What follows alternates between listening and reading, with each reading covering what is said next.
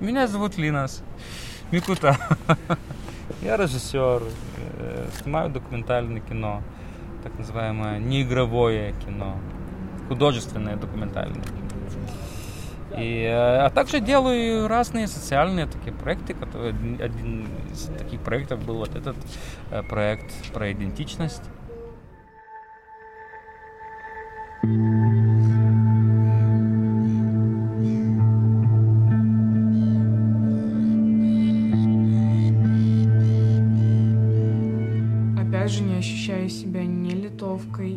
žmogus, kai nudirbė nebuvalą, pavyzdžiui, man sako, o tai tu rusė.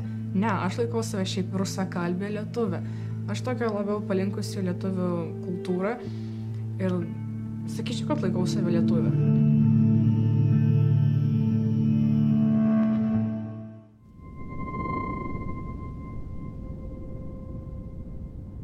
Сегодня на комете премьера документального фильма Лина Самикуты о русскоязычных клайпецких школьниках, в котором фиксируется уже пройденный ими путь в поисках своей идентичности, начатый еще их родителями и родителями их родителей.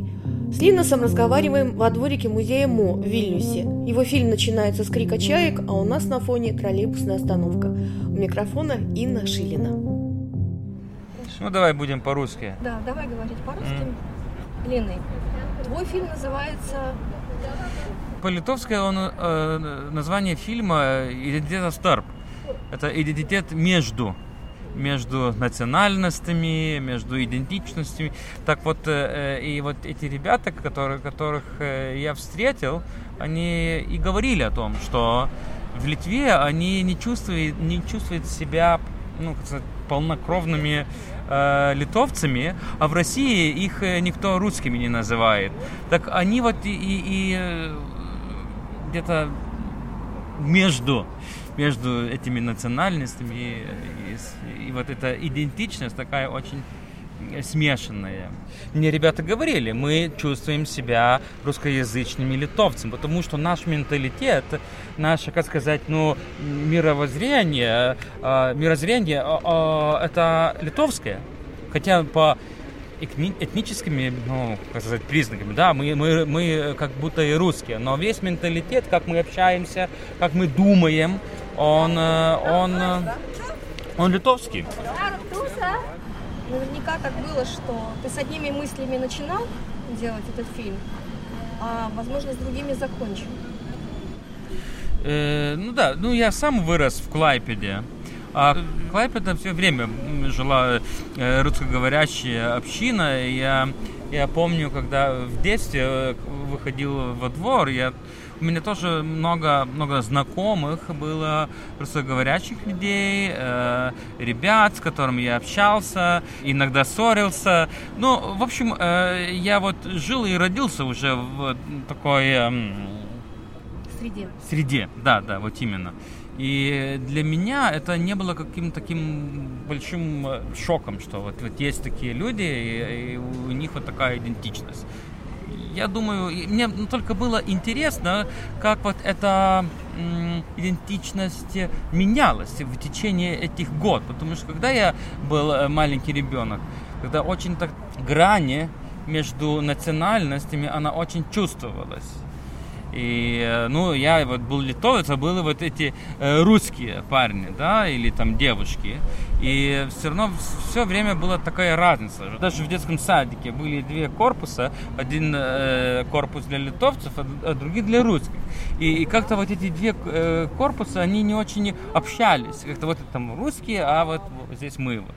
Но во дворе как-то все очень э, дружили, и вот не было такой большой разницы. Хотя все, все время были какие-то различия. А сейчас что? это, интересно? Ну вот, вот мне и было интересно, как это, как это изменилось ли это или нет.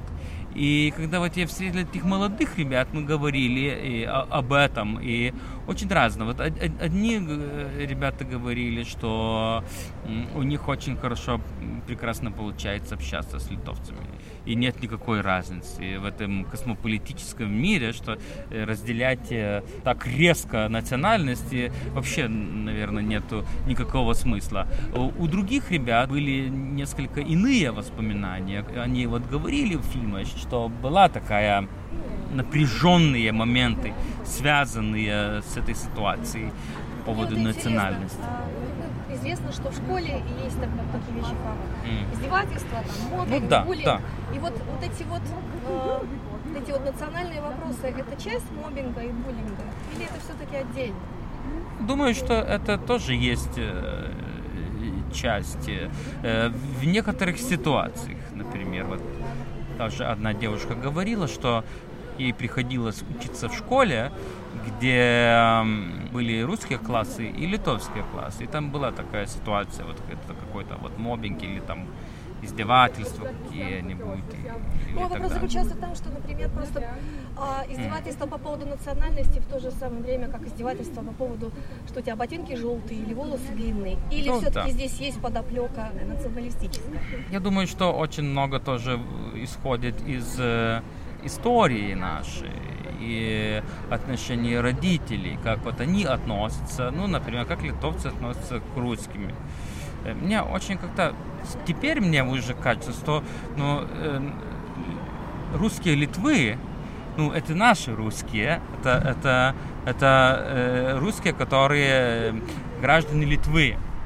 Но э, если смотреть из этой исторической точки, иногда люди, литовцы, думают, что вот, ну, вот русские, вот оккупанты, вот бывшие, и как-то э, они все хотят, чтобы, не знаю, здесь, здесь была Россия, и чтобы там Путин э, вел войска, и, ну и так далее, и так далее, и так далее. Вот есть такое мнение, что вот русские хотят, чтобы возвратилась здесь Россия, здесь была Россия. В общем, такое, такое экспансионное мышление, что... Но все равно это не наш. Но это не везде. Вот бывает. Я думаю, что когда вот э, родители так думают, это все переходит и, э, и в де- и для, для детей. Тем более, что еще, может, все Да. обострилось после украинских событий. Да, да, да, вот есть такая вещь. И потому что, и, и- и вот, знаете, мне кажется, что мне, что на- надо очень много э, общаться по этому поводу и э, строить вот эти мосты, где вот и тоже и русские, они они выяс- выясняли, как они относятся, например, э, к государству, к- литовской государственности, э, к литовцам. Это тоже очень важно, чтобы была дискуссия, чтобы люди говорили об этом. Потому что иногда вот бывает такое незнание. А мы вот литовцы не знаем, как вот они к нам относятся, как относятся к Литве, как относятся к литовской политике, ну и так далее, и так далее. Вот есть очень много вопросов, которые э, литовцы задают вот так, ну как сказать, так в себе, и не задают конкретно. Мне иногда кажется, что нужно, например, а, так, чтобы русские литовские школы сотрудничали в каких-то проектах чтобы они как-то знакомились, чтобы были какие-то дискуссии, они делали какие-то двуязычные проекты, чтобы они познавали вот эту вот саму проблематику, которая существует. Да, да, да. Я думаю, что вот э, из литовской стороны это очень важно, ну, как сказать, э, перешагнуть этот, этот барьер, что вот русский язык это язык как будто оккупантов, как будто вот такой очень не тренди, не популярен, потому что вы знаете, вот там Россия, Путин, ну, сказать, э, э, не ставить э, в один ряд все эти политические моменты и языковые, и, и- а также и э, национальные. Я насчет языка, знаете, как еще думала по поводу языка самого себе русского? Дело в том, что сейчас язык, тот, который идет из Кремля, из Москвы, он потерял свою, скажем так, опять же, коммуникативную силу, потому что, ну как, пропаганда, ну, ему перестали доверять. Даже если ты что-то и хорошее на этом языке говоришь и пишешь, ты сразу начинаешь думать, а, с осторожностью относятся, да? Да, да, да, вот, да. Потому что много лет им пользовались совершенно в других целях. И вот я бы сказала, что вот тот язык, который сейчас приходит из Европы, русский язык, потому что ведь это же еще русские языки различных диаспор, в Германии, во Франции, Мгм. в той же Америке. И вот говорю наш вот здесь. Все наполняется новыми совершенно другими вещами. И поэтому вот, вот эти вот дети, которые говорят в вашем фильме, они все-таки говорят на литовском русском языке. Мгм, мгм. Это на языке, скажем так, недавно образовавшегося малого народа, который все-таки существует уже самостоятельно, живет без этого центра. Конечно, у него есть там какое-то там мягкое влияние там, или еще что-то, но мы видим на этих детях, что это совсем уже Да, они, они здесь родились, они здесь живут, и они здесь будут жить. Или нет, конечно. Может быть, уедут, уедут там э, в Европу или в ту же самую Россию, я не знаю. Но уже как они, вот, как, как они есть, они, да, как вы правильно и сказали, это уже другой маленький народ, который сформировался здесь, в Литве, как такая вот община. И, и мне еще, еще такой был сюрприз, потому что э, тоже, так как сказать, э, который ну, не удивил, э, что больш, очень большая часть вот этих людей, которые живут э, в Клайпеде, русских людей, литовских русских, что они приехали не по своему желанию в Литву, и что очень большая часть это были староверы, которых э, гнали из Польши э, в Россию. Была какая-то обменная программа, которую там подтвердил э, Сталин. И вот они, э, значит, шли э, из Польши в Россию, а сели здесь, в Литве. Так тоже, еще рушится один миф, что будто вот оккупанты или так далее, и так далее колонисты. Но в, то же время, но в то же время это было еще, наверное, перспективное направление в плане работы. Совершенно да. такое было советское, скажем так, гастарбайтничество. Да? Сейчас да, нам да, выгодно ехать куда-то на запад. Тогда людям с каких-нибудь там Сибирей, даже во множественном числе сейчас скажу, mm-hmm. да, им было выгодно ехать сюда. Да? Конечно, здесь была, как сказать, разрушенные города. Например, Клайпеда э, это был разрушен город. И как-то как-то вот надо, надо было много э, рабочих э, рук, чтобы восстановить все. И вот э, одна девушка тоже говорит, как дедушка и прадедушка здесь вот приехал, потому что вот ехали агитаторы там в Смоленске и просто предлагали работу людям. У них там тоже была очень плохая ситуация, там был голод, и, и люди согла соглашались приехать, потому что надо, как, надо было как-то проживать. Ну, люди сюда по-разному ну, приезжали, ну, да? Да, Некоторые да. приехали там 300 лет назад, пришли, может, пешком. Пришли, да, да, вот если мы будем говорить о, о общину староверов. И когда я езжаю в Россию, тоже, ну, меня приглашают там и фестивали, я, я был и в Москве, и в Екатеринбурге, и в Санкт-Петербурге. Все люди, которые, которых я встречаю, они э, делятся вот этим воспоминанием, что для них это Прибалтика. Вот Прибалтика была какой-то Запад. Здесь вот все было ну, иначе, чем в глубинке, там, не знаю, там, ну, в Сибири, на Урале где-нибудь или так далее. И все вот говорили, что вот, знаете, вот, вот как-то вы поиначе жили тогда и, сейчас живете. И вот, вот, вот этот, эту, эту разницу они очень чувствуют. И, и вот э, эту разницу чувствуют и вот те ребята, которые вот говорят в фильме, что когда они вот приезжают в Россию, они чувствуют совсем по-другому. Они не чувствуют себя русским. Там, там они литовцы. Здесь они, они не литовцы, не русские. Вот такая вот смешанность получается. Да, но мне очень вот интересно было тоже общаться, и, и я, я, я просто понял, что вот даже эта девушка, которая говорила, что когда она была в Англии, и она услышала литовскую речь, она как почувствовала себя дома.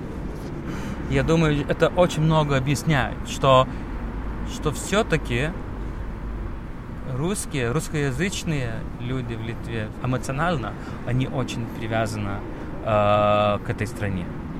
И это, думаю, самая, важ, самая важная вещь, что ты привязан эмоционально к этой стране, к этому языку, хотя ты даже не говоришь постоянно на нем. Удивительно красивые дети в кадре. Да, да, да, да, конечно, очень красивые люди, молодые. Это вот есть будущее Литвы. И вот очень бы хотел, что они здесь остались, они жили, они здесь сотворяли свое будущее. Не надо их утерять, надо их как-то очень дорожить и берегать здесь, чтобы они были. Ну, я не думаю, что для меня Родина значит многое. Есть ли у меня вообще эта Родина? Ну, вот, возможно, именно вот близкая мне вот это вот Клайпеда, близкий мой край. Э, может быть, я, я пришел с намерениями, чтобы люди хотели открыться, хотели э, разговаривать, идти э, в некоторый диалог. И с теми людьми, с теми ребятами, которые хотели вот пойти, я и пошел. Приглашаем посмотреть эту работу Лина Самикуты на нашем сайте www.nara.lt. Там же вы найдете текстовую публикацию полного его интервью на русском и литовском языках. Это была «Комета». До новых встреч!